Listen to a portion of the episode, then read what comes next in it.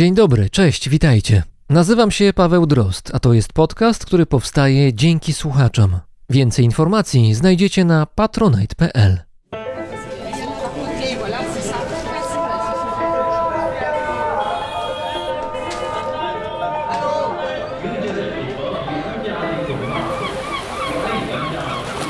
Brzmienie świata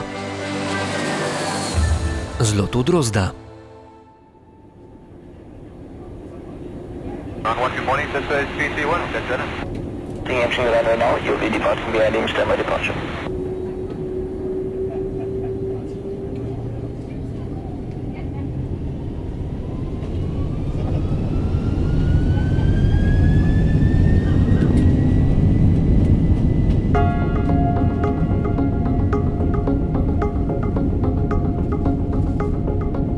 Samolot linii British Airways, lot 149, wzbił się w powietrze. Kapitan Richard Brunate poprowadził maszynę po łagodnym łuku i wzniósł się na wysokość poleconą przez wieżę kontroli lotów Heathrow. Start odbył się z kilkugodzinnym opóźnieniem. Pasażerowie nie byli z tego faktu zadowoleni. Czekał ich długi lot do Malezji, ale przynajmniej prognoza pogody na całej trasie była niezła. Poza tym lecieli sprawdzonym Boeingiem 747, którego zwano czasem Jumbo Jetem. Zanim dotrą do Malezji, zatrzymają się jeszcze w Kuwejcie. Tam część pasażerów wysiądzie, załoga zostanie wymieniona, a maszyna dostanie kolejną dawkę paliwa do spalenia. Był 1 sierpnia 1990 roku. Czterosilnikowym monstrum na dwóch pokładach leciało 395 ludzi. Byli tam biznesmeni, byli turyści, były rodziny z dziećmi. Większość stanowili Brytyjczycy, ale byli też Amerykanie czy Niemcy. Po bezproblemowym locie Boeing 747 wylądował na lotnisku w Kuwejcie 2 sierpnia wcześnie rano. Maszyna została przekierowana na boczny pas, gdzie rozpoczęto procedurę tankowania. Część pasażerów weszła do terminala lotniska, by zażyć odrobiny ruchu, ale większość została w samolocie. Pasażerowie pamiętali opóźniony wylot z Londynu i zdradzali oznaki zniecierpliwienia, gdy tankowanie trwało dłużej niż zakładano. W pewnym momencie usłyszeli narastający szybko hałas. Dudnienie połączone ze świstem. Wyjrzeli przez okna. Na niebie zobaczyli dwa samoloty. Były małe i stanowczo za szybkie jak na samoloty pasażerskie. Chwilę później do huku ich silników dołączyło coś jeszcze.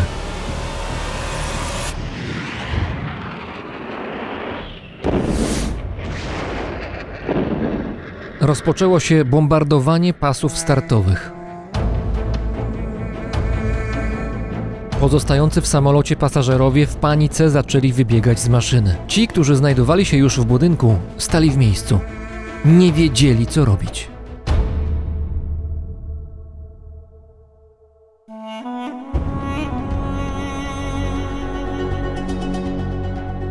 W 1990 roku Saddam Hussein miał do rozwiązania problem.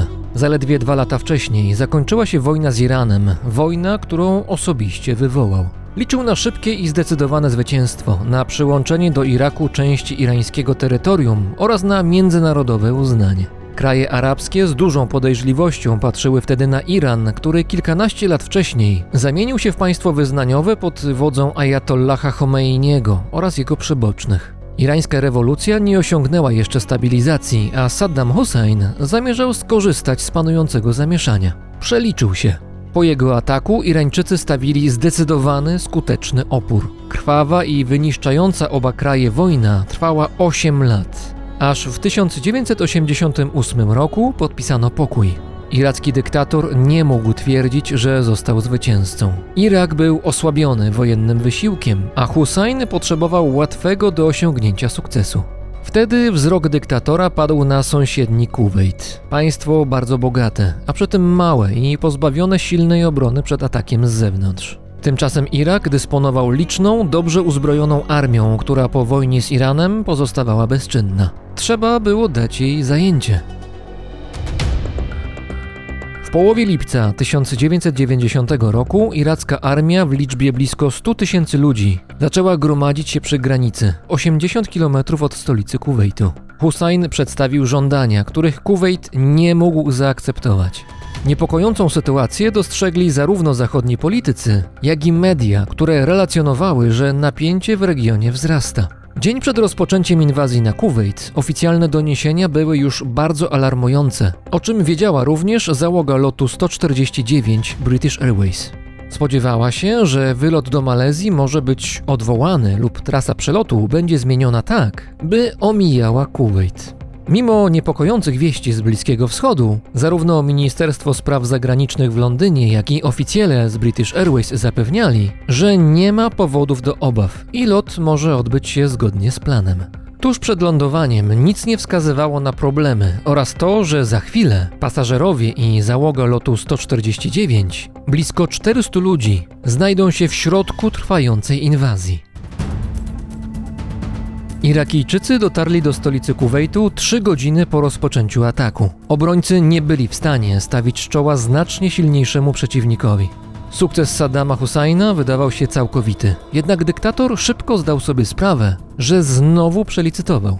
Przed inwazją był przekonany, że świat nie zareaguje na jego działania. Tymczasem zaraz po irackim ataku świat odpowiedział bardzo stanowczo i stało się jasne, że USA buduje koalicję, która będzie chciała przywrócić Kuwejtowi wolność oraz, co może ważniejsze, przywrócić stabilność na światowym rynku ropy naftowej, której Kuwejt był ważnym producentem. Hussein potrzebował karty przetargowej, a stali się nią obcokrajowcy przebywający w Kuwejcie, w tym kilkuset pasażerów lotu 149. Ci, kiedy pasy startowe zostały zbombardowane, zostali przetransportowani z lotniska do okolicznego hotelu. Na ulicach pełno było żołnierzy, wszędzie było słychać odgłosy walki. Nieco później zobaczyli irackie czołgi jeżdżące po ulicach miasta. Przez kilka kolejnych miesięcy pasażerowie lotu 149 byli przetrzymywani przez irackie wojsko. Mieli być żywą tarczą i ubezpieczeniem agresorów na wypadek, gdyby kierowana przez USA koalicja chciała zaatakować. Przez ten cały czas zakładnicy poddawani byli różnego rodzaju presji oraz przemocy, głównie psychicznej. Żyli w strachu. Wspominają, że Irakijczycy celowo tworzyli atmosferę skrajnego zagrożenia. Przykładowo, swoimi działaniami sugerowali, że przygotowują egzekucję wszystkich zakładników. Wielu uczestników lotu 149 podkreśla, że do dzisiaj noszą w sobie ciężar tego, czego doświadczyli w Kuwejcie. Niektórzy zmagają się z depresją, inni cierpią na PTSD, syndrom stresu pourazowego. Sytuację tylko trochę poprawił fakt, że kobiety zostały uwolnione po kilku tygodniach, a kilku zakładnikom udało się uciec. Pozostali zakładnicy zostali uwolnieni po ponad czterech miesiącach od wylotu z Londynu. Do dzisiaj nie wiadomo dlaczego.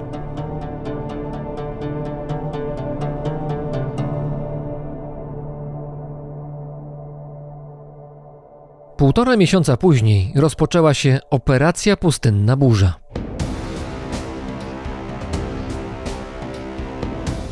Międzynarodowa koalicja najpierw zaatakowała z powietrza, a później na lądzie. Uderzenie było tak duże, że już kilka dni po ataku koalicji Irakijczycy musieli wycofać się do swojego kraju. Jumbo Jet, który utknął na lotnisku w Kuwejcie, został zniszczony, prawdopodobnie przez wojska irackie. Wojna zakończyła się 3 marca 1991 roku.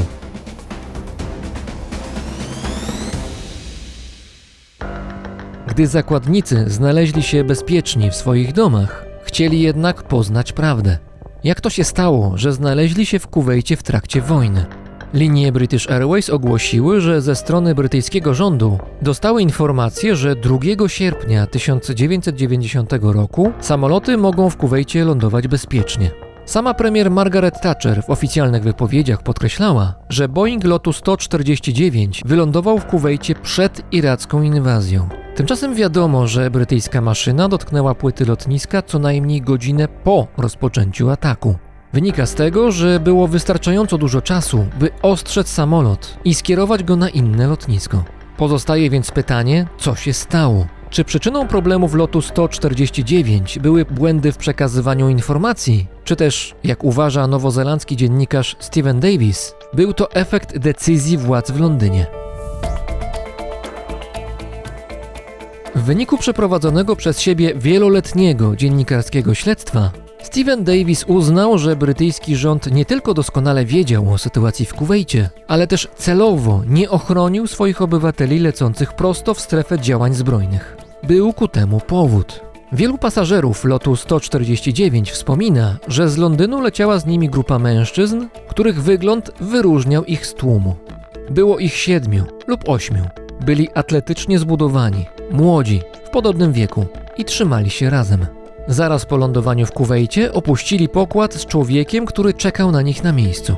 Znacznie później Steven Davis znalazł ślad kilku z nich na amerykańskim okręcie wojennym działającym wtedy w Zatoce Perskiej.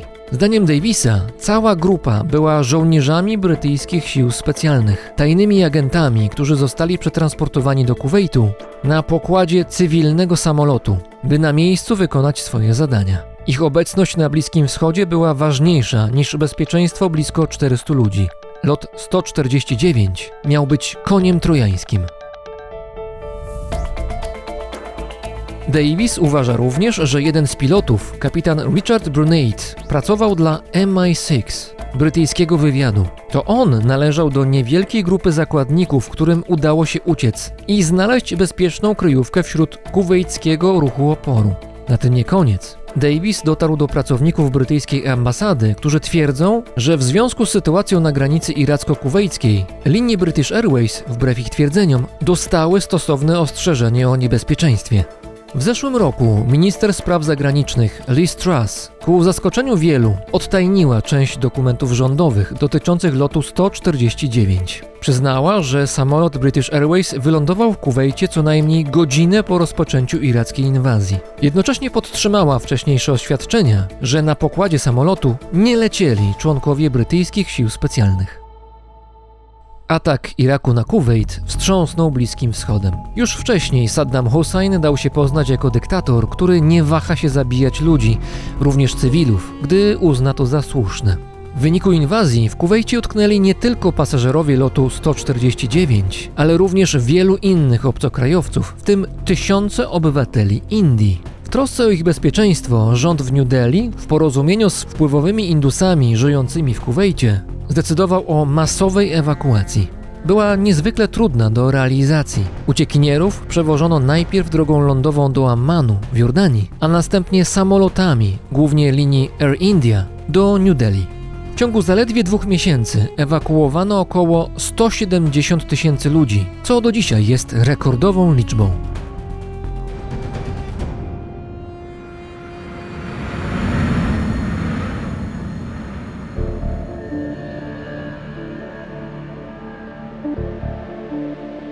Imponującą, jeśli chodzi o liczby, była również ewakuacja drogą powietrzną przeprowadzona w 1991 roku przez Izrael.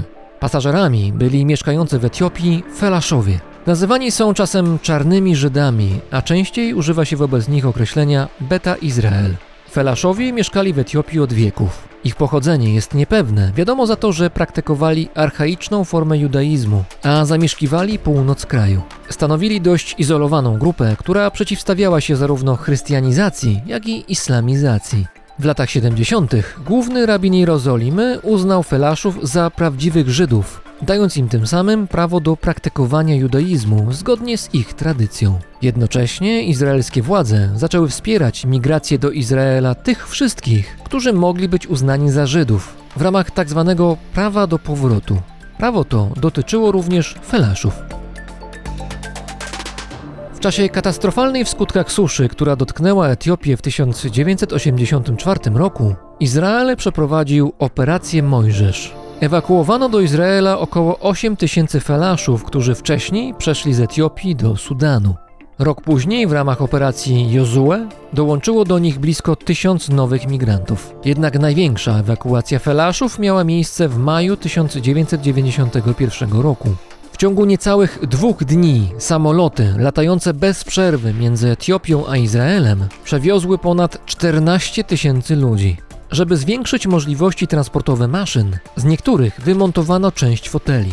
Podczas rekordowego lotu jednego z Boeingów 747 linii El Al, Jumbojeta, którym maksymalnie mogło lecieć 660 osób, przewieziono ponad 1100 pasażerów.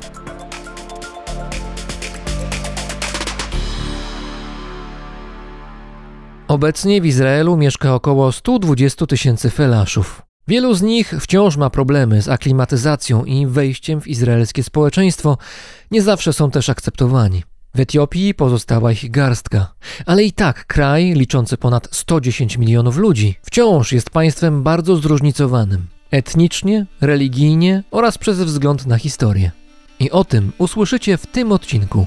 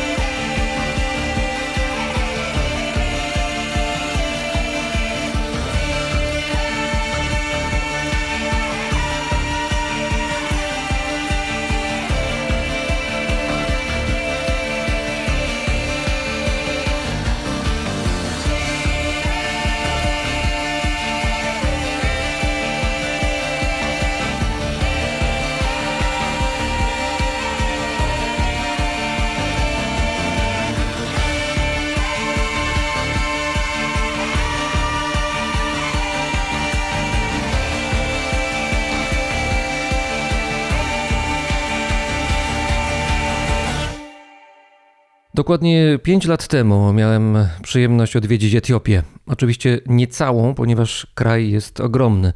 Wtedy byłem na północy, głównie w mieście Gonder, dość blisko od potężnego jeziora Tana. To jedno z największych etiopskich miast, bardzo silnie związane z historią tego kraju. Przez lata była to cesarska siedziba, a do dzisiaj jest to jedno z centrów etiopskiego kościoła ortodoksyjnego. W czasie II wojny światowej w Gonderze odbyła się bitwa, która de facto wyznaczyła kres włoskiej inwazji na Etiopię. Ze względu na znaczenie i historię tego miasta przez Brytyjczyków nazywana jest Gonder afrykańskim kamelotem. Co roku w styczniu do Gonderu tłumnie zjeżdżają zarówno wierni kościoła etiopskiego, jak i turyści, by uczestniczyć w trzydniowym święcie Timkat. W trakcie uroczystej procesji pochód dociera do specjalnego kamiennego zbiornika, który na tę okazję wypełniany jest wodą. W środku stoi rodzaj kaplicy. Kiedy byłem w Gonderze, basen był suchy, bez wody, a na jego dnie ćwiczyli etiopscy strażacy, szkoleni przez strażaków z Polski. Okazało się, że podstawa tej kaplicy w basenie posłużyła jako symulowany budynek objęty pożarem w basenie. Bardzo dobrze wspominam Gonder i bardzo dobrze wspominam tamten wyjazd. Niestety w ostatnich dwóch latach miasto znalazło się w środku wojny, która ogarnęła Etiopię, ogarnęła cały kraj, który wydawał się jedną z oaz spokoju i stabilności na mapie Afryki. Razem z nami jest teraz etiopistka i afrykanistka, doktor habilitowana Hanna Rubinkowska-Anioł. Dzień dobry pani. Dzień dobry. Wojna w Etiopii z jednej strony była zaskoczeniem, ale z drugiej strony chyba nie wzięła się z niczego. I też nie jest tak, że Etiopia zawsze była taką oazą spokoju, o której mówiłem, bo takie wystąpienia, większe, mniejsze problemy, gdzie się ludzie ścierali ze sobą i nawet ginęli ci ludzie, to się zdarzało też wcześniej. Może Etiopia nie jest tylko i wyłącznie owianą kadzidłami, państwowością gdzieś właśnie we wschodniej Afryce. Bardzo skomplikowany kraj wewnętrznie, bardzo złożony wewnętrznie. Ma, można powiedzieć, nawet taką patchworkową strukturę. Mieszkających w Etiopii grup etnicznych jest, jak się ocenia, mniej więcej około 80. Brzmi to jak przepis na problem, ale kraj w takim układzie istniał od bardzo dawna i funkcjonował. Co się stało, że te dwa lata temu wszystko się posypało jak domek z kart? To prawda, że konstrukcja Etiopii jako państwa jest bardzo skomplikowana i kiedy o tym mówimy, można oczywiście zastanawiać się nad tymi problemami w kontekście tego, co powstało jako państwo no, stosunkowo niedawno, bo pod koniec XIX wieku, kiedy cesarz Menelik prowadził podboje i w wyniku tych podbojów państwo, które funkcjonowało na terenach, które dzisiaj są północno-zachodnią częścią Etiopii, rozrosło się tak bardzo, że nowo przyłączone tereny stanowią dwie trzecie dzisiejszego państwa. I co jest ogromnie istotne, Etiopia, która wcześniej i tak nie była jednolita kulturowo, etnicznie, religijnie, stała się znacznie bardziej zróżnicowana. Czyli pierwotnie na początku XIX wieku Etiopia to była raczej północ? Pierwotnie to mówimy o historii około 2000 lat temu, bo wtedy był początek państwowości etiopskiej, ale myślę, że o tym to za chwilę. Natomiast jeżeli mówimy o tym, co się działo przed podbojami Menelika, to były tereny, które, no tak, to jest dzisiejsza północ Etiopii i to jest dzisiejszy zachód Etiopii. Mniej więcej do tych terenów, na których dzisiaj położona jest Addis Abeba, stolica, czyli no, dzisiejsze centrum Etiopii. Przyłączone zostały w wyniku tych podbojów ogromne tereny na wschodzie, dzisiejszy wschód Etiopii, całe południe, od centrum na południe i te fragmenty, które położone są na zachodzie, bezpośrednio graniczące z Sudanem. I te tereny zamieszkiwane są przede wszystkim przez muzułmanów oraz wyznawców innych religii afrykańskich. Były wówczas zamieszkiwane, dzisiaj zresztą też są. I to spowodowało, że głównie chrześcijańska Etiopia, też nie jednolicie, ale jednak no, w większości chrześcijańska, zamieszkana przez wyznawców etiopskiego kościoła ortodoksyjnego, stała się państwem, gdzie można mówić, że mniej więcej pół na pół, też dokładnie nie wiadomo jakie są te proporcje, ale mówi się o tym, że powyżej 30% mieszkańców współczesnej Etiopii to muzułmanie. Niewielka część wyznaje inne religie niż chrześcijaństwo i islam, ale jeśli chodzi o chrześcijaństwo, to też już nie jest monolit etiopskiego kościoła ortodoksyjnego. Jest też wielu wyznawców różnych kościołów protestanckich. Czyli możemy się domyślać, że religia nie jest tym, co spaja państwo współczesne. Zdecydowanie nie jest, bo zdecydowanie tych religii jest no, wiele. Natomiast też religia nie jest, a przynajmniej nie jest bezpośrednią przyczyną tych niepokojów, które w Etiopii mają w tej chwili miejsce. To może skupmy się na, jeszcze na grupach etnicznych. Ja powiedziałem, jest ich około 80. Tam jeszcze kwestie językowe wchodzą w grę, bo to jest bardziej skomplikowana historia. Może nazwijmy największe z nich, największych graczy na tym polu etiopskim. Ci, którzy zawsze w Etiopii, tej cesarskiej Etiopii, która właśnie funkcjonuje jako państwo mniej więcej od przełomu ery, pierwszego, drugiego wieku przed naszą erą. Grupy, które były uprzywilejowane to Amharowie i Tigrejczycy. To uprzywilejowanie wynikało z liczby tych Nie, grup? znaczy chociażby mieszkańcy Tigray, Tigrejczycy, którzy dzisiaj tam się toczy wojna, no to jest zdecydowana mniejszość, jeśli chodzi o mieszkańców. To jest nieliczna grupa etniczna. Natomiast to wynikało z konstrukcji politycznej, gdzie władza pozostawała w rękach wyznawców chrześcijaństwa zamieszkujących na płaskowyżu. Bo Tigray to północ. Tigraj to północ, Amharowie, tutaj jest bardziej skomplikowana sytuacja, bo głównie Amharowie zamieszkują zachód, północny zachód, ale potem w XIX wieku władzę w Etiopii przejęła grupa Amharów, którzy wywodzili się z Szeła, czyli z tej centralnej dzisiaj prowincji, gdzie położona jest Addis Abeba, więc nawet ta grupa Amharów absolutnie nie jest monolitem i pomiędzy różnymi grupami Amharów też toczyły się boje o to, kto ma sprawować władzę w cesarstwie. Więc zawsze ta sytuacja była powiedzmy dynamiczna i na tyle dynamiczna, że bardzo często prowadziła do walki o władzę. Cesarz po amharsku Neguseneges, czyli król królów, czyli ten, który sprawuje władzę nad innymi władcami, którzy często również noszą tytuł królewski, Negusa. Nie zawsze, też inne tytuły, ale to jest ten władca, który nad tymi królestwami sprawuje władzę. Czyli właśnie taki układ, gdzie poszczególne dzielnice bardzo często również albo chcą się w dosyć dużym stopniu uniezależnić od władzy centralnej, albo też ci władcy chcą sami przejąć władzę, sprawować władzę cesarską. Czy wobec tego to był rodzaj federacji, to znaczy był król główny, cesarz, który sprawował władzę nad resztą państwa, gdzie byli poszczególni władcy? Jak to wyglądało? To było cesarstwo. Rzeczywiście cesarstwo, czy też można powiedzieć imperium, zresztą jedyne, które spełniało, można tak nazwać w Afryce, bo mówi się często o imperium Gany i tak dalej, o innych państwach, które rzeczywiście były bardzo silne jako państwa w Afryce przedkolonialnej, ale jedynie cesarstwo etiopskie, jeśli chodzi o konstrukcję, można z czystym sumieniem nazwać imperium, no i zresztą ze względu na również na późniejszą politykę imperialną, zagarniania ziem, które no, były wchłaniane i które były ekonomicznie eksploatowane przez władców etiopskich.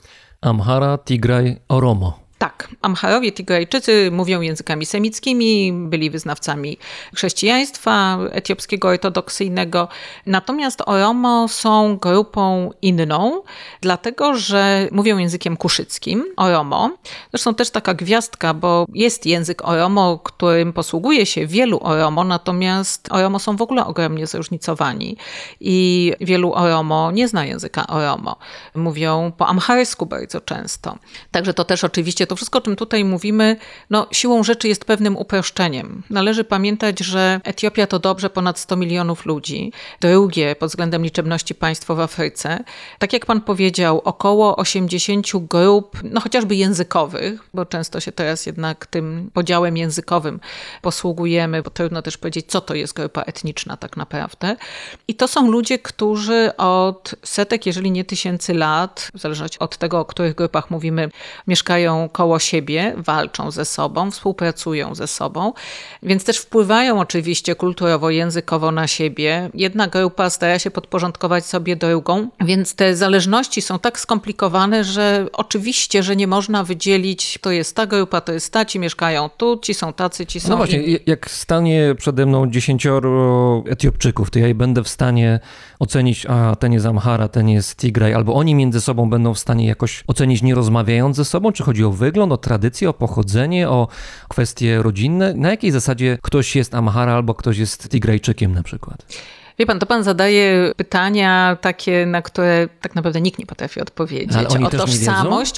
To znaczy nie, ale to jest tak, że No chyba z domu wychodzę i wiem, dobra, wychodzę, jestem z domu Oromo, albo na przykład, nie wiem, moi rodzice są z mieszanych środowisk, na przykład, bo tak też Tak, czasami bywa, ale prawda? potem na przykład w zależności od sytuacji politycznej, od jakichś innych kwestii, na przykład takich, że emigrujemy i mieszkamy poza Etiopią, jesteśmy członkami diaspory, ta nasza tożsamość jest płynna. To znaczy wydaje nam się, ale to dotyczy wszystkich nas. A to znaczy mogę migrować z, z Amharajczyków do Oromo na przykład? Urodziłem się w Addis Abebie, czuję się Etiopczykiem przede wszystkim, a potem wybucha wojna, jakakolwiek, to nie musi być ta wojna, i już przestaję czuć się Etiopczykiem, zaczynam czuć przynależność do określonej grupy etnicznej, bo na przykład ktoś mnie atakuje dlatego, że ktoś spośród moich przodków pochodził z tej grupy etnicznej, albo urodziłem się gdzieś poza Addis Abebą, albo jeszcze mam jakieś inne uwarunkowania rodzinne, które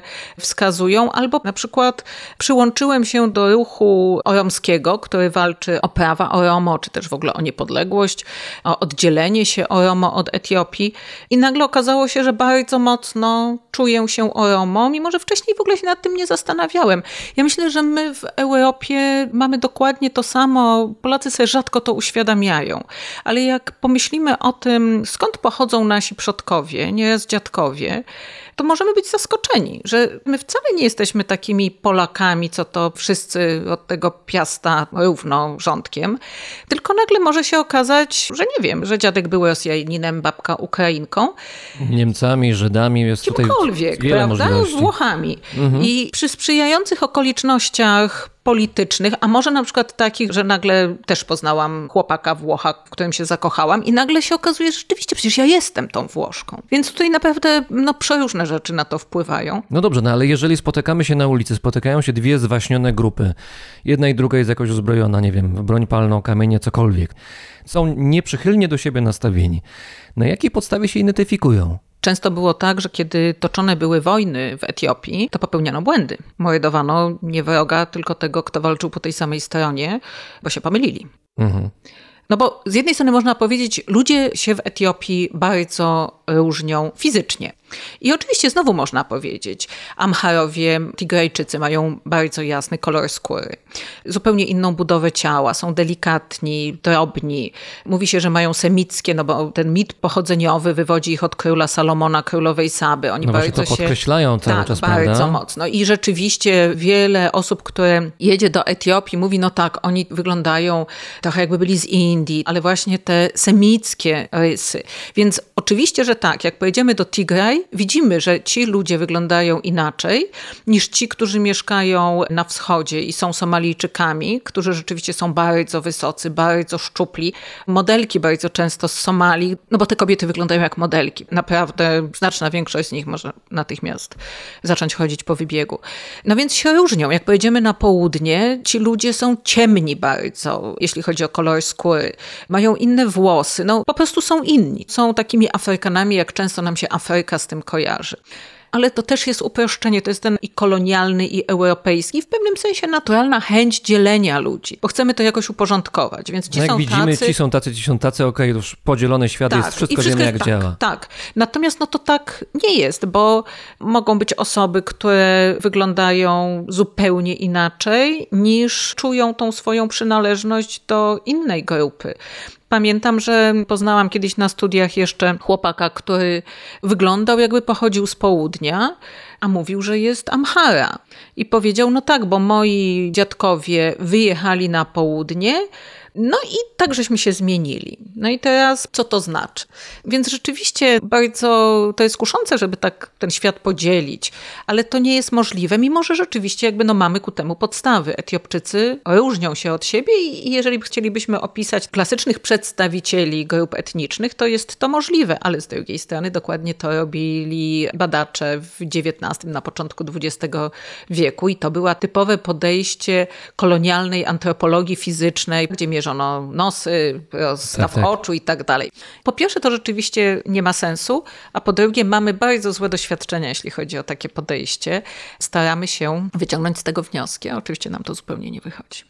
No dobrze, to skoro nie wygląd, skoro może nie pochodzenie, to nie wiem, jakiś rodzaj podejścia do życia, kwestia wartości, co mnie odróżnia? Jeżeli jestem Amharczykiem, coś jest dla mnie ważniejsze albo mniej ważne w porównaniu z Oromczykiem, na przykład jak to wygląda? Z religią może być różnie. Mogę być Oromo, mogę być muzułmaninem, mogę być Oromo, mogę być wyznawcą kościoła etiopskiego ortodoksyjnego, mogę być protestantem, mogę być każdego wyznania, ale jestem Oromo. Tak. Natomiast zdecydowanie jest tak, że znowu, jeżeli weźmiemy ten idealny wzorzec kulturowy, no to można powiedzieć, jaka jest kultura Amharów, jaka jest kultura Oromo.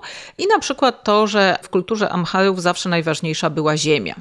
Prawo do uprawy ziemi, w ogóle... Czyli rolnictwo, tak Rolnictwo, tak. Rolnictwo i bycie rolnikiem było tym zajęciem, które wiązało się z dumą. Natomiast Amharowie, Tigrajczycy nie chcieliby na przykład zajmować się handlem, ponieważ to zajęcie zdecydowanie nie kojarzy się z właściwym zajęciem. Oromo przede wszystkim byli zawsze pasterzami. Bydła, także wielbłądów, no w zależności od tego, w jakich rejonach mieszkają. Oromo byli znani z tego, że jeżdżą konno. Amharowie chodzą na piechotę, a bardziej uprzywilejowani, dostojni jeżdżą na mule, ale to wyglądało tak, że no na przykład żona, tym bardziej na przykład ciężarna żona jechała na mule, a mąż szedł obok. Albo pan jechał na mule, a wszyscy, którzy mu towarzyszyli, szli obok. Więc to nie było tak, że ten muł był środkiem transportu, tylko był raczej wyznacznikiem, wyznacznikiem Statusu. statusu, pozycji, tak. No bo i tak cała reszta szła na piechotę. I rzeczywiście Tigajczycy, Amharowie, co jest zresztą związane z obszarem, gdzie mieszkają, bo mieszkają w takich górach, gdzie, no rzeczywiście muły sobie z tym bardzo dobrze radzą. Muły i osły. Natomiast najłatwiej jest pokonywać te tereny po prostu na piechotę. Oromo już mieszkali na terenach często nizinnych, no i tam ta hodowla koni i to, żeby się poruszać konno, było możliwe.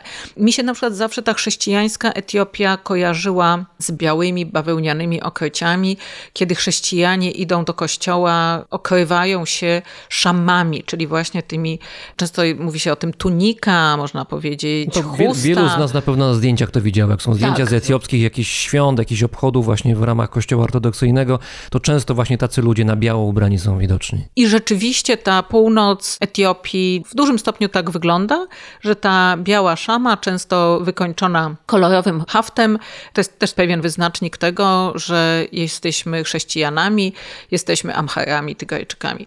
Natomiast ta część muzułmańska kojarzy się z kolorowymi ubraniami, z kolorowymi chustami, czy to Somalijczycy, którzy, wielu z nich mieszka w Etiopii, bo ogromna część tych terenów somalijskich jest częścią Etiopii formalnie.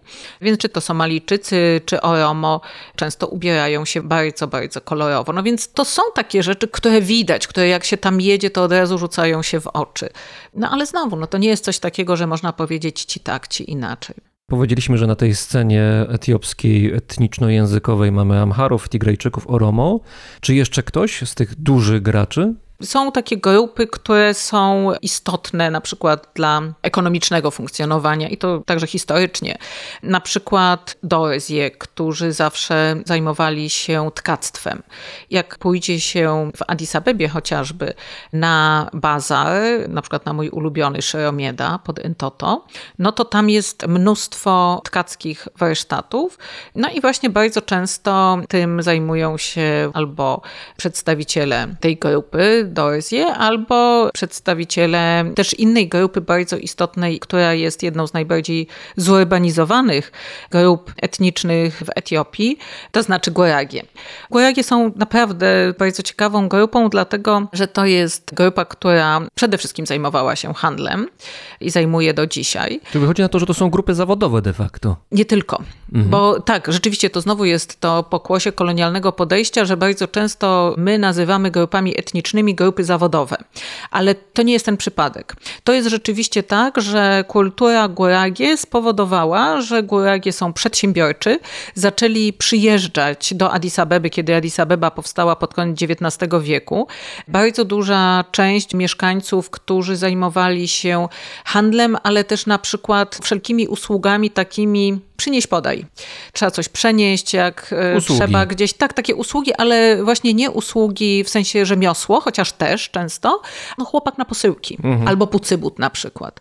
I to było tak popularne, że w latach 20., w latach 30. przyjęło się, że jak się mówiło, niech ktoś przyśle chłopaka, który ma mi coś przenieść, to mówiło się, niech ktoś przyśle góragie. Czyli wszystko jedno, jakiego pochodzenia była ta osoba, ale to się przyjęło właśnie jako określenie grupy zawodowej.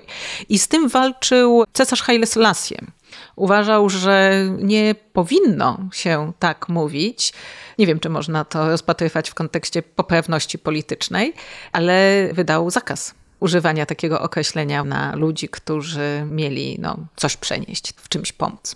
No właśnie, skoro już Haile Selassie I został wywołany do odpowiedzi, no to trzeba zauważyć, że cesarstwo istniało do 1974 roku. Istniało niezwykle długo, 2000 lat, nie wiem czy nieprzerwanej, ale na pewno długiej historii. Jak to jest możliwe? To jest, ja wiem, że to jest naiwne pytanie, ale spróbujmy trochę się nad nim pochylić. Jak to jest możliwe, że to cesarstwo tak długo przetrwało do drugiej połowy XX wieku? Oczywiście odpowiedzi może być wiele i kwestia jest skomplikowana. Najprostsza odpowiedź to jest taka, bo to było bardzo silne państwo. Rzeczywiście Etiopczycy stworzyli tak silne państwo o tak dobrze działających strukturach państwowych, że przetrwali. I jeszcze tak jak pan powiedział, nieprzerywanie, to jest ważne, rzeczywiście nieprzerywanie. To nie jest legenda, to jest fakt. To jest fakt. Czy była silna władza centralna? Czy ta władza centralna była znacznie słabsza? Mówi się o okresie książąt, gdzie właśnie te poszczególne prowincje... No, Rozbicie dzielnicowe, tak, tak to nazywamy czasami. Tak, tak, tak. No to był okres od połowy XVIII do połowy XIX wieku, gdzie rzeczywiście władza centralna była właściwie nominalna i znacznie większa władza spoczywała w rękach tych władców lokalnych, ale ale wszystko jedno, wszyscy wiedzieli, że cesarz jest, że on jest nominalnym mniej lub bardziej, ale jednak jest władcą i że oni są częścią cesarstwa etiopskiego.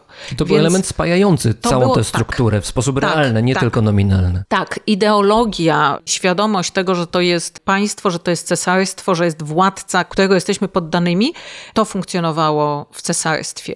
Poza tym, że po prostu to było silne państwo i zresztą w zderzeniu z kolonializmem i z obecnością Europejczyków, to też jest poprawna odpowiedź. Im byłoby trudno walczyć z tak silnym tworem państwowym. A z czego ta siła wynikała? Po prostu świetnie sobie cesarzowie radzili i rządzili znakomicie i byli geniuszami organizacji wewnętrznej, czy coś innego tutaj nastąpiło? Rzeczywiście Etiopia miała szczęście do fantastycznych przywódców, bardzo mądrych polityków, zwłaszcza od połowy XIX wieku do bardzo długo. Bo to tutaj można dyskutować, prawda? Bo ja nie mówię o tym, kto był popularny, czy kto kogo lubił, kto kogo popierał, bo to jest bardziej skomplikowane.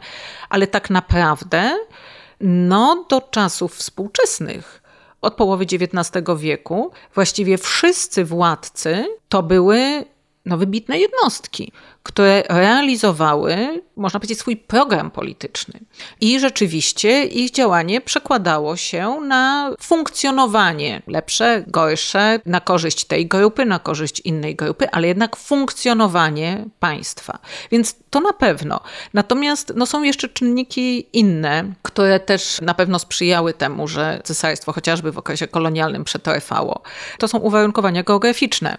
To cesarstwo położone w dużym stopniu w górach i ta wyżyna abisyńska, no to są rzeczywiście góry, które są przepiękne przede wszystkim, ale one są przepiękne właśnie dlatego, że to są płaskowyże oddzielone od siebie przepaściami. Ludzie mieszkają na płaskich szczytach góry, bardzo często powyżej 3000 metrów nad poziomem morza. To szczególnie na północy, prawda? Bo na południe jest bardziej płaskie, tam gdzie Dolina Omo się znajduje. Tak, to są zupełnie inne mhm. tereny, mhm. ale ta kołyska cywilizacji etiopskiej to jest właśnie ta wyżyna.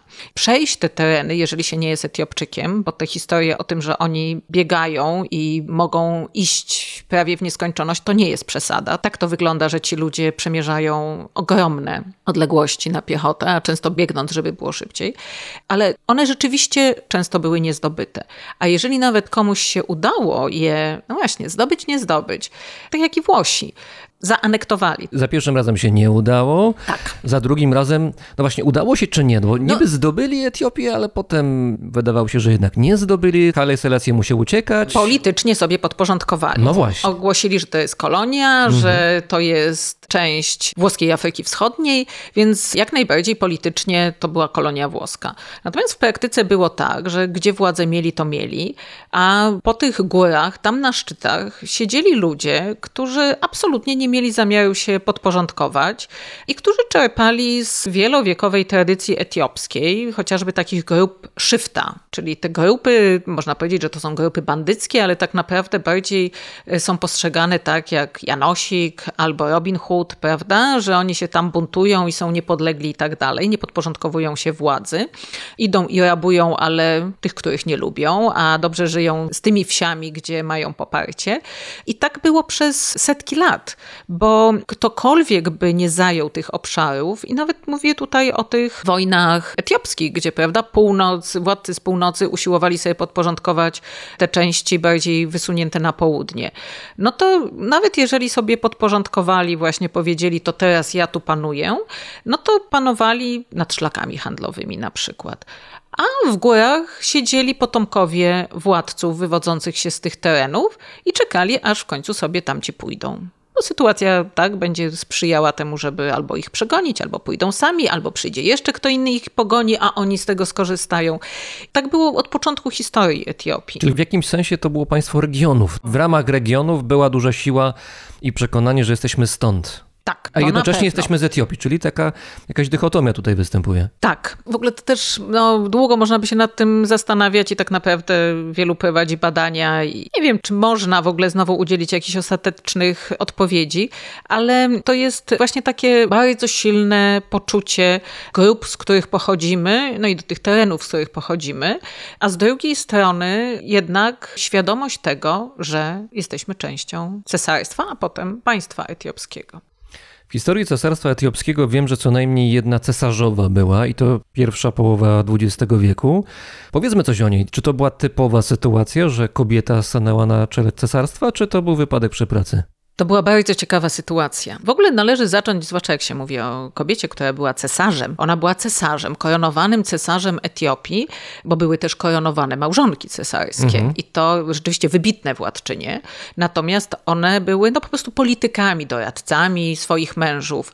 To żona Menelika, Tajtu i wiele, wiele innych.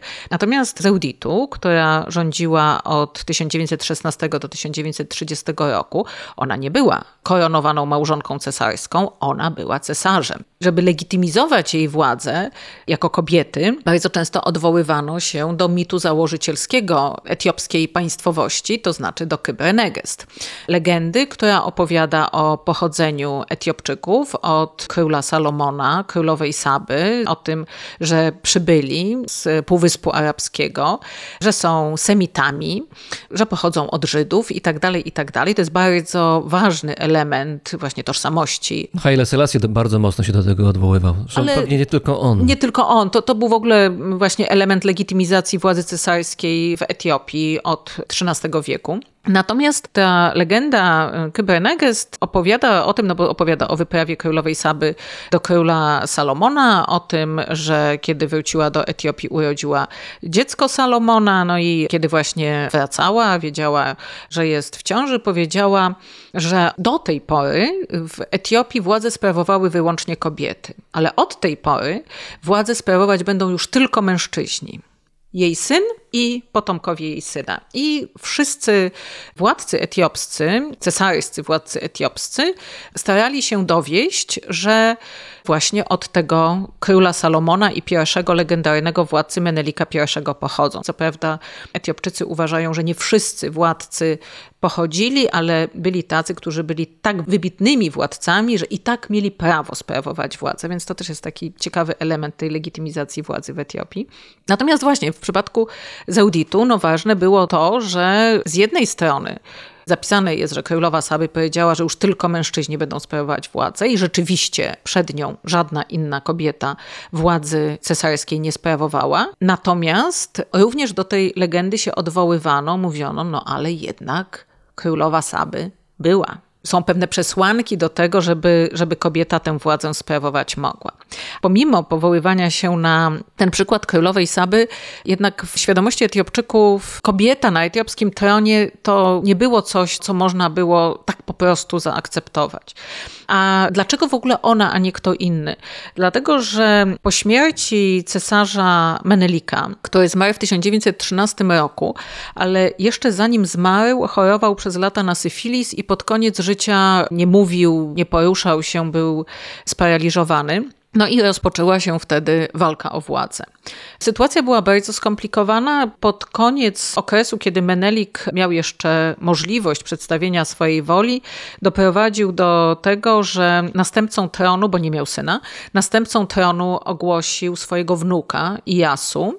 To długa i skomplikowana i fascynująca historia, ale żeby już nie wchodzić w szczegóły, powiem tylko, że ojciec Ijasu był muzułmaninem, który przeszedł na chrześcijaństwo. To rzadka sytuacja. No w świecie muzułmańskim to, że tak powiem, nie jest to dobrze widziane. To znowu temat na długą rozmowę, ale w Etiopii to różnie bywało. Jest wiele osób w Etiopii, które no, w pewnym sensie poczuwają się i do swoich korzeni chrześcijańskich i muzułmańskich, i na przykład posługują się dwoma imionami, i, i chrześcijańskim, i muzułmańskim.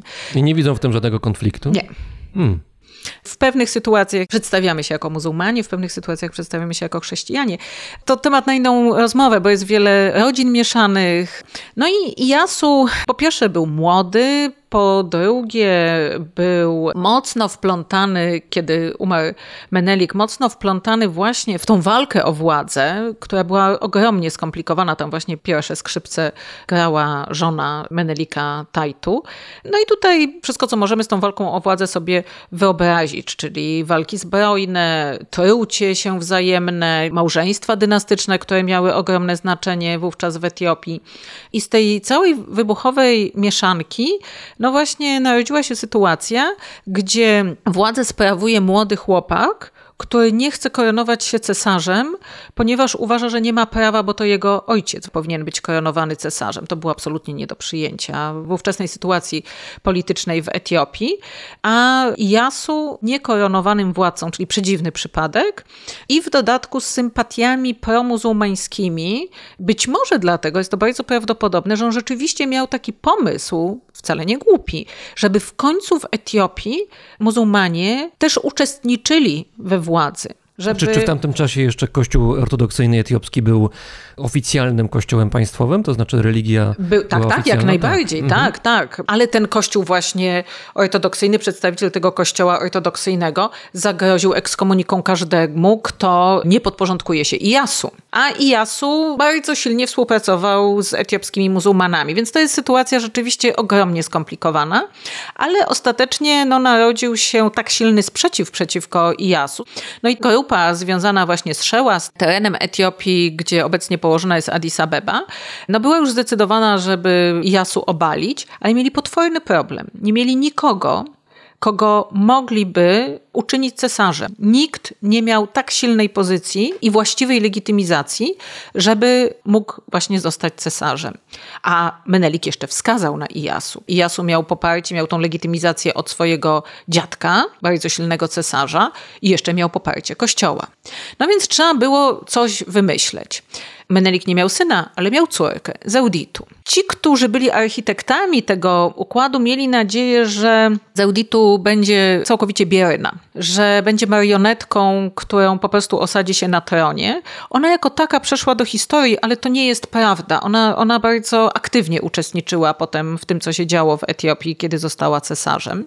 No ale właśnie, jeżeli ona ma być cesarzem, gdyby ona była mężczyzną, nie byłoby problemu. Tutaj największy problem był właśnie w tym, że była kobietą. Więc trzeba było wymyśleć coś, co wesprze tego cesarza. I stworzono triumvirat.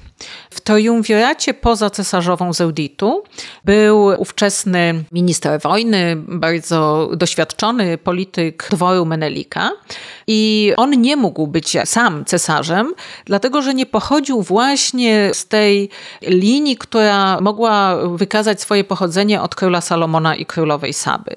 Więc nie miałby odpowiedniej legitymizacji. Natomiast miał rzeczywiste poparcie polityczne, był bardzo silnym politykiem.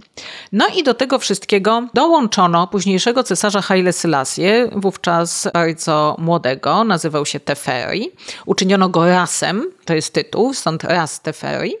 I miano nadzieję, że Teferi jest na tyle słaby, że nie będzie zagrażał temu układowi, natomiast był potrzebny właśnie jako ten mężczyzna, który też z tej linii salomońskiej pochodził, a który oprócz tego był bardzo dobrym administratorem, był bardzo sprawny w działaniu.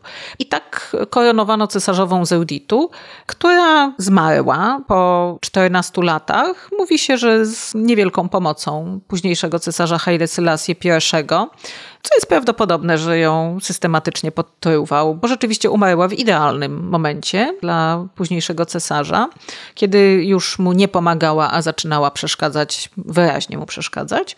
No i ten słaby Teferi Mekonnen, a późniejszy Haile Selassie, powolutku, powolutku realizował swój plan, który no, realizował zawsze właściwie od dziecka, żeby umacniać swoją władzę, umacniać, umacniać.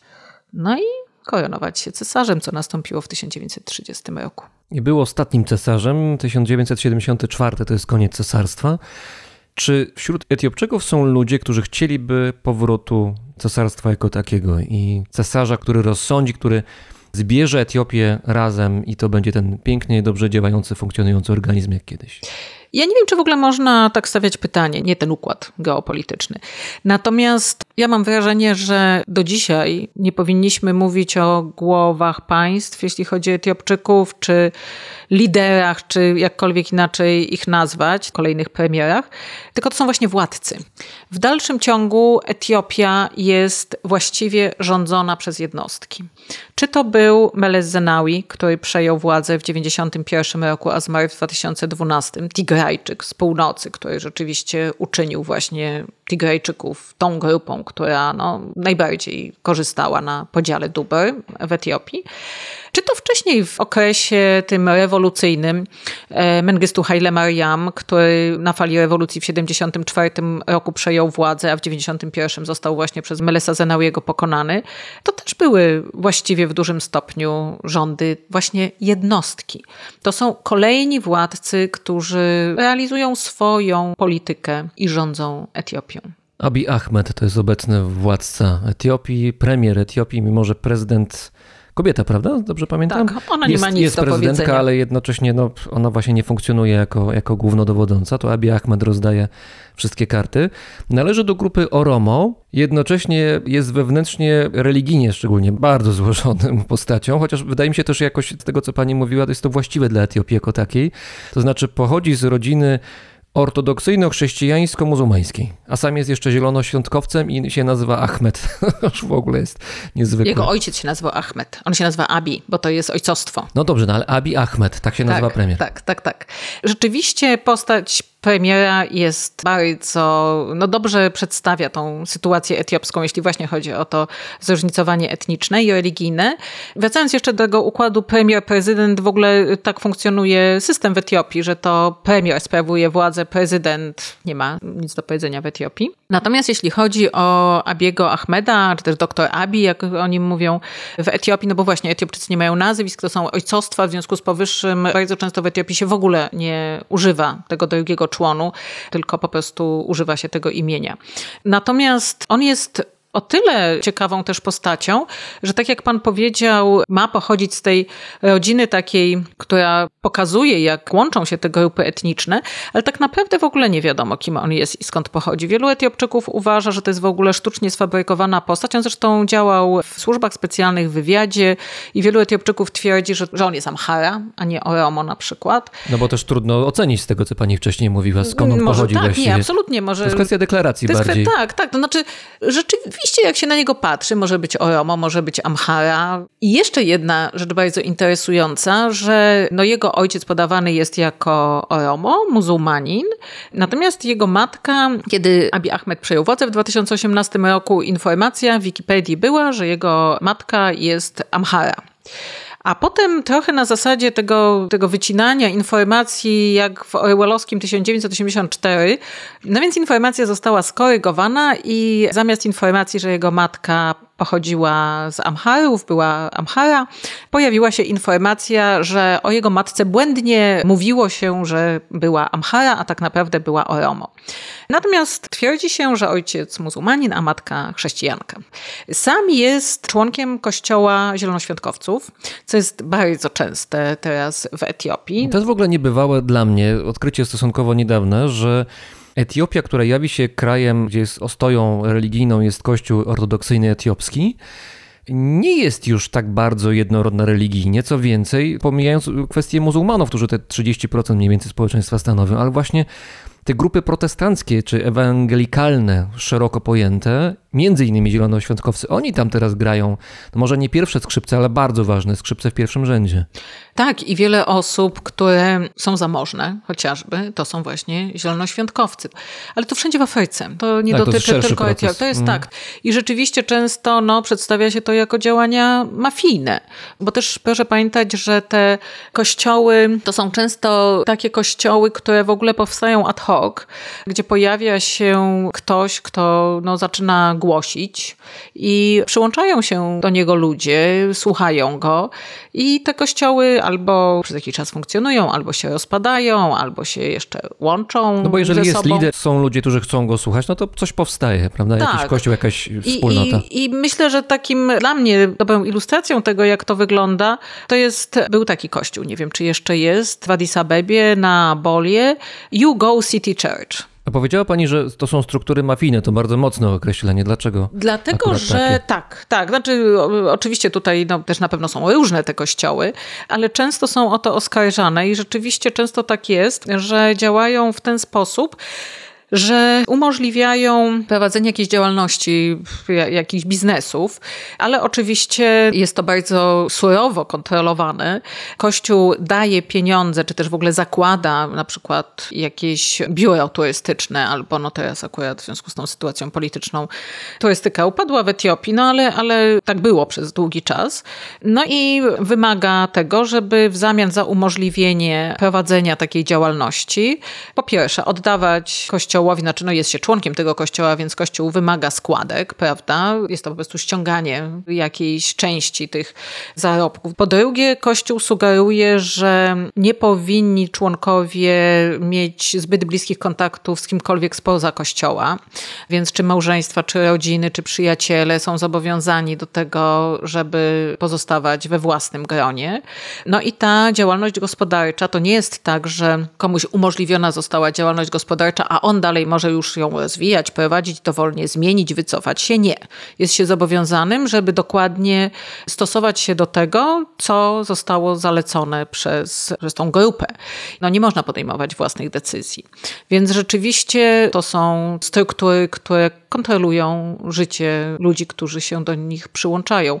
I tak jak mówię, to dotyczy całej Afryki, nie tylko Etiopii. Ameryki Południowej nawet, to jest szersze zjawisko No to znacznie. tak, ja już się ograniczam do Afryki, ale rzeczywiście jest bardzo popularne i bardzo dużo jest ludzi, którzy przystępują do tych kościołów, tak zwanych kościołów charyzmatycznych, prawda? Bo to jest ten charyzmatyczny przywódca, który skrzykuje ludzi i oni idą za nim.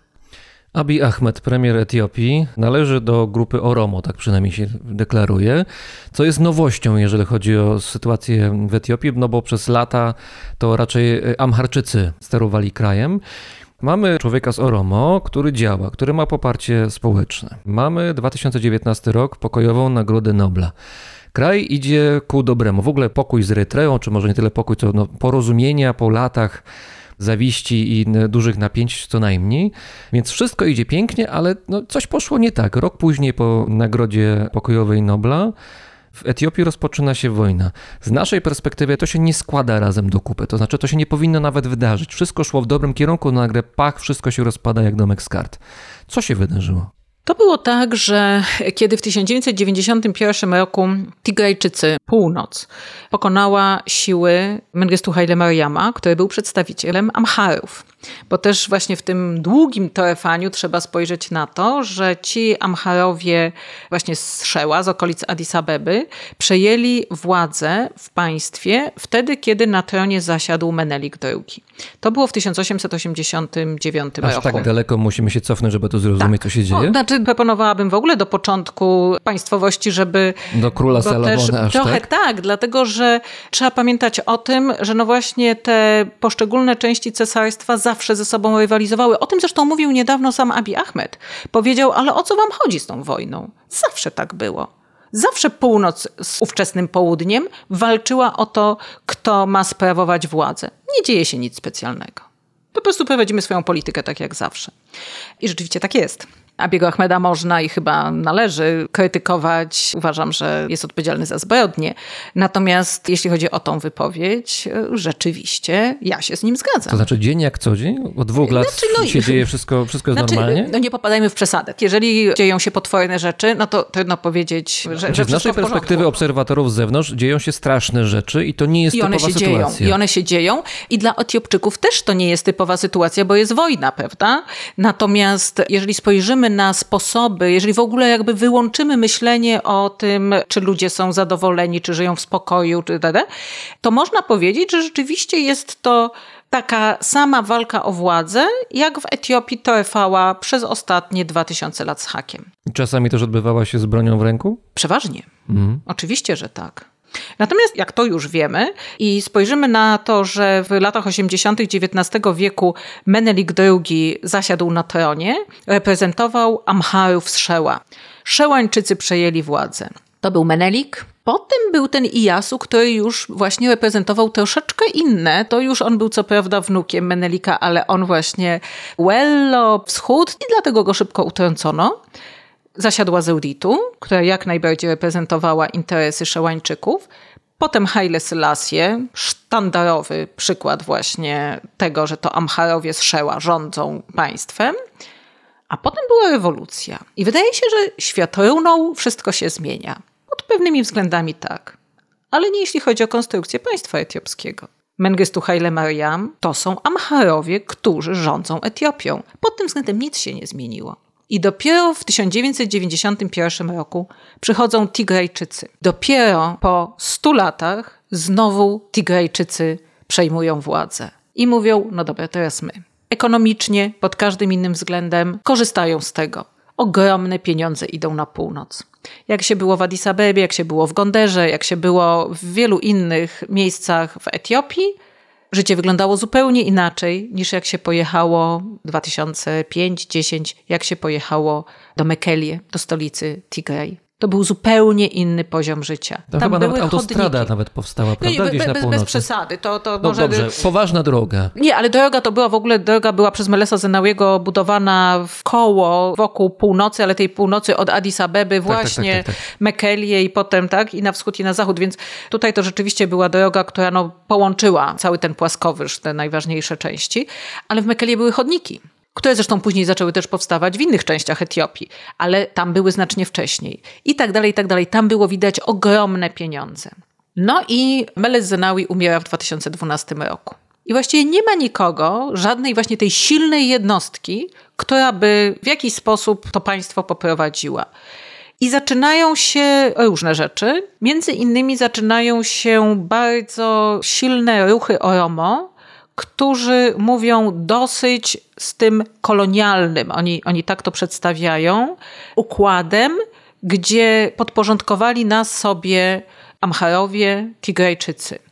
I wcale nie było tak, że Oromo byli tą najbardziej prześladowaną grupą. To nie byli ci najbardziej uprzywilejowani, ale wielu Oromo wchodziło do tej grupy uprzywilejowanych. A czy to nie jest tak, że Romczyków jest najwięcej liczebnie Jest. w Etiopii? To, to z No całą pewnością. No to też znowu nie rozumiem. Proszę mi wytłumaczyć, jak to jest możliwe. Liczę się w kraju, a jednocześnie nie jestem w stanie władzy utrzymać. Znaczy, no muszę ją zdobyć przede wszystkim. No tak. Więc właśnie chcieli ją teraz zdobyć, ale też proszę pamiętać o tym, jak oni są ogromnie zróżnicowani. Oromo mieszkający na wschodzie są muzułmanami, którzy często pozostawali pod wpływem islamu z Arabii Saudyjskiej, z Somalii. Te ruchy wahabickie bardzo często tam Bardziej ostatnio. radykalne. Y, Zdecydowanie. Ci Oromo, którzy mieszkali właśnie w okolicach Addis Abeby, bo Oromo mieszkają wszędzie w Etiopii, byli zdecydowanie bardziej właśnie zamharyzowani. W ogóle nie znali języka Oromo. Mówili po amharsku. Oromo, którzy mieszkają na zachodzie znowu, to, to są zupełnie, zupełnie inne warunki. Oni byli bardzo politycznie radykalni, natomiast no właśnie zupełnie no w innych warunkach żyli. Też trzeba pamiętać, że właśnie Oromo jako jedna grupa to jest właściwie wytwór tego, że zostali podporządkowani cesarstwu etiopskiemu, bo oni siebie kiedyś i zresztą dzisiaj też bardzo często przedstawiali jako pochodzący z grup Miecia, Borena, a nie Oromo. To nazwa, która pojawiła się, która zaczęła być używana dopiero właśnie w tym zderzeniu z cesarstwem etiopskim. Ich wspólna tożsamość teraz jest bardzo silnie podkreślana. Teraz jest wielu badaczy Oromo, naukowców, którzy dowodzą ideologicznie, dowodzą tego, że Oromo zawsze byli jedną grupą taką silną i o wspólnej tożsamości. Bzdura, przepraszam bardzo. Absolutnie nie. Więc tak to wygląda. Przede wszystkim w 2016, trochę wcześniej, pojawiły się bardzo silne ruchy Oromo. Głównie to były przesłanki ekonomiczne. Mówi, Dlatego... Mówi pani o protestach, które na ulicach się O odbywały. protestach, tak, ale często było to przedstawiane, że to jest właśnie, prawda, y, Oromo chcą większych praw, lepszej sytuacji właśnie w tym kontekście politycznym, ale tak naprawdę podstawą była sytuacja ekonomiczna. Ogromne zróżnicowanie w Etiopii, to rozwarstwienie potworne, gdzie pojawiła się coraz większa, ale bardzo wąska grupa ludzi, którzy byli zamożni lub bardzo, bardzo bogaci. Mamy kształtującą się tak zwaną, ja bardzo nie lubię tego określenia, klasę średnią, w ogóle w Afryce, ale i w Etiopii. Ale ta klasa średnia, no to nie ma nic wspólnego z tą klasą średnią, która, nie wiem, powiedzmy szeroko w Europie, chociaż też można z tym dyskutować, powstawała. To jest wąska, uprzywilejowana grupa, którą widać przede wszystkim w Addis Abebie i to jest naprawdę niewielki procent społeczeństwa. I ludzi żyjących w ogromnej nędzy, no i tutaj pojawiają się różne argumenty, właśnie bardzo często takie etniczne, czy też religijne. Czyli nie mam pieniędzy dlatego, że jestem z tej grupy, a nie tak, z tamtej. Tak, tak. Jestem odsunięty, to nie my decydujemy, to decydują ci lub tamci i oni dla siebie biorą, prawda? To, co jest ogromnym bogactwem Etiopii, bo Etiopia rzeczywiście generuje bardzo dużo dóbr różnego rodzaju, plony, teraz energia z tamy na Nilu i tak dalej, i tak dalej. W związku z tym przy tych ruchach Oromo rzeczywiście sytuacja stała się bardzo taka trudna w Etiopii. No i trochę jak Filip z Konopi wyskoczył Abiy Ahmed. Który mówi, że jest z Oromo. Młody, tak, on miał wtedy 40 lat bodajże. Mówi się o nim, że jest bardzo przystojny. Ma doświadczenie w wojsku. No w ogóle, nawet jak się weźmie taki ideał etiopskiego mężczyzny, no to jest Abiy Ahmed. A jaki jest ideał etiopskiego mężczyzny, proszę powiedzieć? Oj, to znowu jest skomplikowane pytanie. Jest, jest silny pod każdym względem, no bo to on jest tym ojcem rodziny, który zapewnia byt.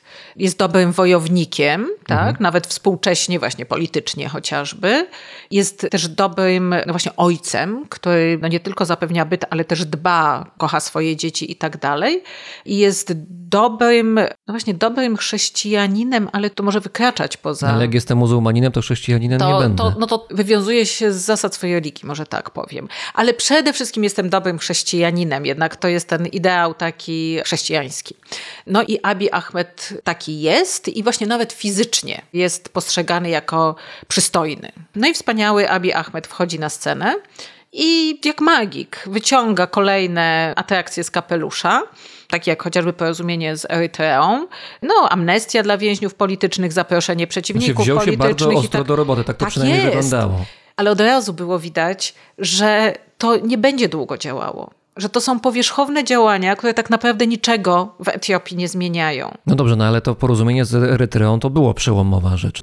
Wcześniej Nie. z zewnątrz tak to wyglądało. Wyglądało. Etiopia z Erytreą na noże zawsze, od, od zarania dziejów niemalże, od początku istnienia No nie, Erytrei. nie, nie, nie, bez przesady. Od początku istnienia Erytrei. No tak, tak, Erytrea tak, tak. to jest twór kolonialny, XIX No, wiek, dobrze, więc dobrze, tak. dobrze. Erytrea, proszę pamiętać, jest kolebką cywilizacji etiopskiej, w sensie cesarstwa To etiopskiego. jest na tym polega też problem, prawda? tak, Aksum, czyli właśnie ta kolebka tej cywilizacji, to właśnie tereny Erytrei, to było Aksum i, i północnej Etiopii, więc to wszystko jest bardzo, bardzo skomplikowane.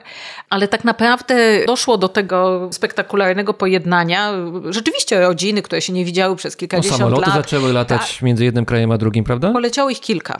No dobrze, a wcześniej nie było w ogóle. W ogóle, nie, tak, tak, tak, tak, nawiązano y, linie No telefoniczne, właśnie. prawda, otwarto granice. Sąsiedzi wreszcie mieli się Tak, rodziny, rodziny, tak, Tak. więc to w ogóle wyglądało fantastycznie. Ale właśnie, ale otwarto ambasadę erytrejską w Addis Abebie, otwarto, postawiono człowieka, który jej pilnuje i tyle. Tam się nic nie dzieje, nie działo. Tam nie było ambasadora, przedstawicieli, biura, niczego. Mhm. Tam był budynek, który oficjalnie został otwarty. Samoloty latać przestały, granice zostały zamknięte. Kontakt telefoniczny, no w ogóle, w ogóle został zerwany, bo zaraz była wojna i już w ogóle nie ma żadnego kontaktu w Etiopii, prawda? Z Tigray to już w ogóle. Także to było takie działanie, żeby no, pokazać, że ja uważam, że po to, żeby w ogóle dać sobie też czas, że tak fatalna była sytuacja, jeśli chodzi o te zamieszki w Etiopii wtedy, że te ruchy były potrzebne, żeby pokazać, że, że sytuacja się zmienia. I rzeczywiście to zadziałało. Rzeczywiście wyglądało, że jest szansa na to, żeby coś dalej zrobić. No tylko pytanie było, czy to są właśnie takie ruchy pod publiczkę, czy za tym pójdzie coś dalej. Nie poszło nic. Tam poszła Nagroda Nobla, ale wtedy, kiedy Abiy Ahmed otrzymywał tą Nagrodę Nobla, pojawiało się pytanie za co? I motywacja tej Nagrody Nobla była taka, że na zachętę. A z tej zachęty Abiy Ahmed zdecydowanie nie skorzystał. Te bunty różnych grup, bo my mówimy o Romo, prawda?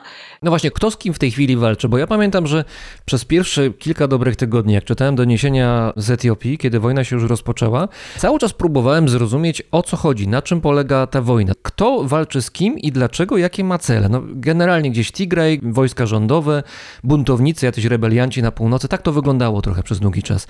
Właściwie jakie są cele tej wojny? Znaczy, o co chodzi? To jest Tigraj kontra reszta Etiopii, czy No więc najprościej można patrzeć? powiedzieć tak, że tak twierdzi Abiy Ahmed, że Tigrajczycy będąc u władzy przez tyle lat eksploatowali Etiopię, no i teraz kiedy od władzy zostali odsunięci, to wywołali wojnę. Co poniekąd jest coś na rzeczy. Z całą pewnością Tigrajczycy no nie chcieli być odsunięci od tego podziału dóbr, bo rzeczywiście zostali radykalnie odsunięci w pewnym No, momencie od przez pieniędzy Abiego, też. tak, przez Abiego Ahmeda. Natomiast Etiopia funkcjonuje w dalszym ciągu jako federacja. Podział jest oparty o etniczne względy i każdy region ma prawo do samostanowienia, a nawet do secesji. Tak głosi konstytucja etiopska. No i kiedy Abiy Ahmed w 20 roku odwołał wybory. On bardzo nie chciał, żeby te wybory się odbywały, bo się bał tych wyborów. Odwołał, powołując się na COVID. Bardzo było mu, taka sytuacja była mu na rękę. A Tigrajczycy powiedzieli, nie, nie, nie, my wybory robimy. I rzeczywiście te wybory przeprowadzili. No i prawie stuprocentowo, ze stuprocentowym poparciem zwyciężyli ci, którzy byli przeciwni Abiemu Ahmedowi. No, rząd w Addis Abebie nie uznał tych wyborów. I to chyba rzeczywiście tak było, że pierwsi zaatakowali Tigrajczycy.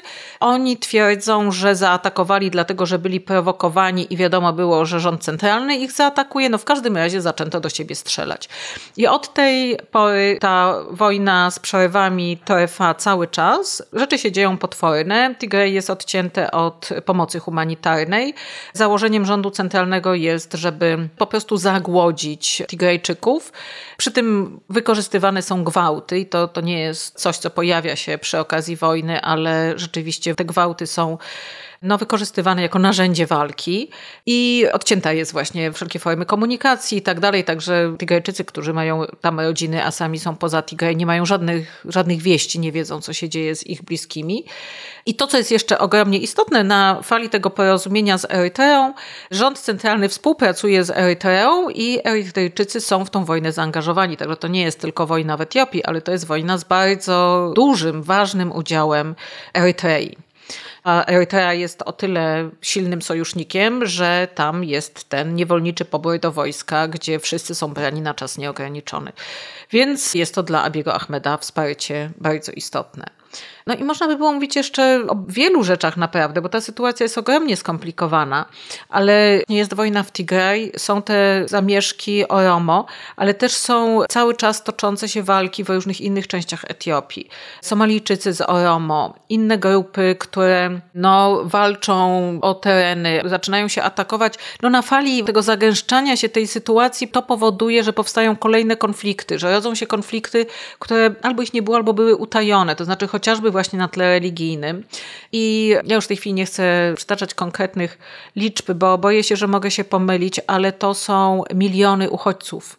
To są uchodźcy z Tigray, którzy migrują do Sudanu i dalej, ale to są też uchodźcy wewnętrzni. To są całe grupy etniczne, niewielkie, które są wyrzucane ze swoich terenów. Także ta sytuacja jest bardzo, bardzo zła. Państwo się sypie, Abi Ahmed kompletnie nad tym nie panuje. No właśnie chciałem zapytać, czy to jest tak, że państwo się sypie w znaczeniu, pojawiają się rysy w konstrukcji państwa jako takiego i ta federacja się rozpadnie, bo może to jest przepis na to, że Romo sobie będą żyć sami, reszta grup gdzieś z sobą, Tigrajczycy, nie wiem, może stworzą swoje państwo. Ja wiem, że to teraz fantazjuję troszeczkę, ale czy to nie jest przepis na przyszłość w takim razie? Nie. Nie, dlatego że po pierwsze, to, to znowu jest to, co powiedział Abiy Ahmed. To nie jest tak naprawdę tak, że ktoś chce się oddzielić. Nie. Oni chcą rządzić całością. Jeżeli chodzi o układy międzynarodowe, absolutnie ta społeczność międzynarodowa nie zaakceptuje powstania nowego państwa jakiegokolwiek w Afryce.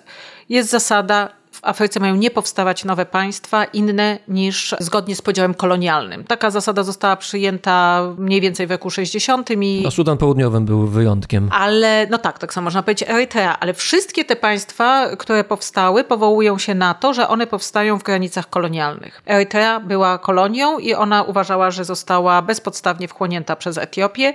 Sudan Południowy też powołuje się na to, że tam to były osobne twory administracyjne w Sudanie. To jest ewenement. Te dwa państwa, oba właśnie w tym rejonie, w rogu Afryki. Ale to jest już niemożliwe, żeby powstały kolejne państwa. Z tego względu, ale też z tego, że ich nie ma jak utworzyć. Jeszcze Tigraj można powiedzieć, że można wyrysować i mogłoby funkcjonować. Ale ja uważam, że rząd tigrajski absolutnie tego nie chce. Oni chcą być częścią Etiopii, tylko chcą być częścią Etiopii na takich zasadach, na jakich uważają, że powinni. A Oromo to w ogóle nie ma o czym mówić. Oromo są w całej Etiopii. Nie można wydzielić Oromo. Oczywiście nie można jest, wskazać terytorialnie w żadnym znaczy miejscu. Jest część Etiopii, która nazywa się Oromia, zamieszkana w większości przez Oromo ale to jest coś tak naprawdę no, w dużym stopniu sztucznego, bo Oromo mieszkają właśnie wszędzie poza tą, poza tą częścią Etiopii, a w tej Oromii też mieszkają inne grupy i to jest jeszcze taki twór, który od zachodu do wschodu w taki nieregularny sposób właściwie przecina Etiopię, więc to jest w ogóle niewykonalne pod żadnym względem. Ostatnia rzecz, już właściwie w kontekście międzynarodowym, ale z Etiopią w centrum, to jest kwestia tamy. Wielkiej Tamy Odrodzenia. Zaczęto budowę chyba 10 lat temu, jakoś tak, natomiast w tym roku, bodaj w lutym, premier Abiy Ahmed otworzył ją oficjalnie. To była od samego początku, kiedy projekt powstał tej tamy, to była kość niezgody między Etiopią a Egiptem, ale też Sudanem. Chodzi o to, że mamy sobie Nil Błękitny, główny dopływ Nilu właściwego, na którym Etiopczycy postawili tamę tuż przy granicach Sudanem, gdzie no, woda będzie zatrzymywana po to, żeby produkowana była energia elektryczna. Egipt i Sudan boją się, że zostaną odcięci od wody, albo że będzie można im przykręcić kurek, jeżeli będzie to na rękę Etiopczykom. Tama zaczyna działać. Czy będzie tak, jak niektórzy wieszczyli jeszcze 10-20 lat temu, że wojna o wodę, jeden z konfliktów o wodę, to właśnie będzie właśnie w tym miejscu w związku z tą tamą, w związku z tą sytuacją w Etiopii? Ja uważam, że wojna w Tigray jest jedną z wojen o wodę właśnie. Znaczy, to jest bardzo... To wszystko, o czym mówimy, to tak naprawdę no jest niewielka część tego, o czym jeszcze można by było powiedzieć. Można by było powiedzieć też o tym, że na południu Etiopii, gdzie płynie rzeka Omo, tam budowane są zapory, o których się znacznie mniej mówi. Tam są wysiedlani, byli wysiedlani ludzie, którzy tam mieszkali, a w miejsce na tych rejonach, gdzie mieszkali, były zakładane które, i one funkcjonują. Uprawy, takie monokultury, gdzie jest uprawiana bawełna, owoce, kwiaty cięte, truskawki właśnie, i tak chyba, dalej. Chyba róże tam są uprawiane. Tak, Dlaczego tak. róże w Etiopii są uprawiane? Bo się opłaca. Bo się opłaca, tak samo jak truskawki. Nigdy nie było truskawek w Etiopii. A teraz się je sprzedaje do Europy. Właśnie te wielkie uprawy bawełny, trzciny cukrowej. I to są gigantyczne pieniądze. I o te pieniądze toczy się wojna, a te pieniądze związane są z wodą, prawda? Bo tam jest rzeka Omo i są zapory na tej rzece. i- Żyzne i są, tereny To są generalnie. żyzne tereny nawadniane właśnie dzięki tym konstrukcjom, które powstały na rzece Omo, chyba cztery. Więc tutaj już mamy nie tylko samą wodę, wodę, która jest niezbędna do życia, ale właśnie wodę, która generuje ogromne zyski i ktoś, kto te zyski kontroluje. A kontrolować chce je Abiy Ahmed, a nie, nie żeby to było kontrolowane przez przedstawicieli Tigraj. I to samo można powiedzieć o właśnie tej tamie na Nilu. Tutaj akurat nie chodzi o uprawy, bo nie po to ta tama została zbudowana, tylko tam jest hydroelektrownia, ale hydroelektrownia, która mówi się, że może dostarczyć energię ogromnej części Afryki. Więcej energii niż potrzebuje Etiopia. Tak? Niż No, ale takie te- było chyba założenie, że będziemy robić wielkie tamy po to, żeby sprzedawać Tak. energię, żeby Tak. Etiopia była mocarstwem A energetycznym. jeszcze to wszystko sprzedajemy, że to jest działalność, no, która sprzyja rozwojowi energii odnawialnej. Więc wygląda to wszystko pięknie. Natomiast no, doprowadziło do konfliktu z Egiptem i Sudanem, rzeczywiście bardzo poważnego konfliktu dyplomatycznego, a wielokrotnie no, Egipt i Sudan groził konfliktem zbrojnym. Ale to właśnie ma generować te zyski, które pozostaje pytanie, kto sobie chowa do kieszeni. I ta wojna w Tigraj to jest między innymi właśnie o te zyski również. Bardzo dziękuję. Razem z nami była etiopistka i afrykanistka, doktor habilitowana Hanna Rubinkowska-Anioł. Dziękuję.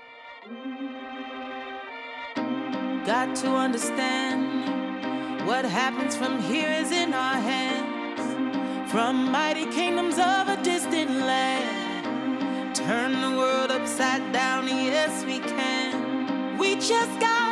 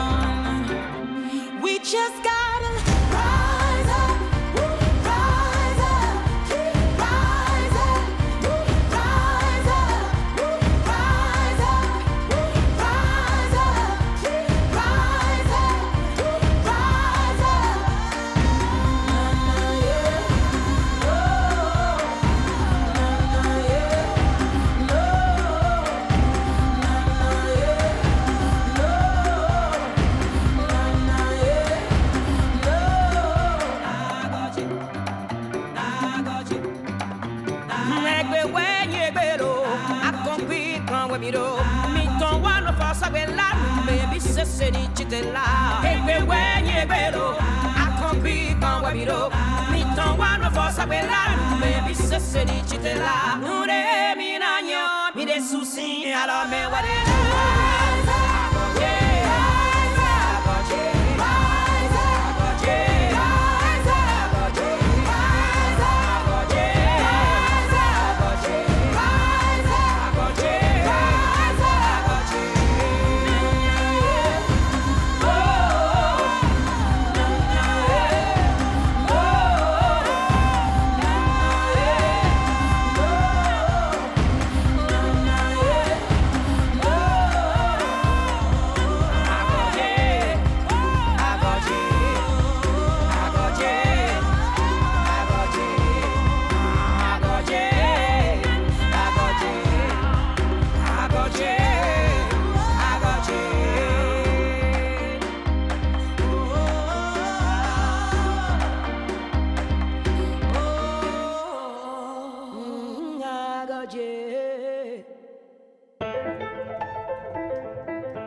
To był 125 odcinek Brzmienia Świata. Podcastu, który istnieje dzięki słuchaczom. To hojność wszystkich patronów i patronek sprawia, że w każdą sobotę mogę zaprezentować Wam nowy odcinek audycji, która istnieje już 2,5 roku. Zbiórka na Patronite trwa i można dołączyć do niej w każdej chwili, do czego zachęcam. Jestem wdzięczny za każdą wpłatę.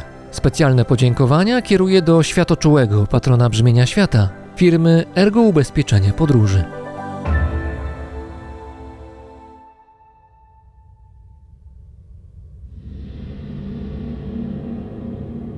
Paweł Drozd, czyli ja, mówi Wam dobrego dnia.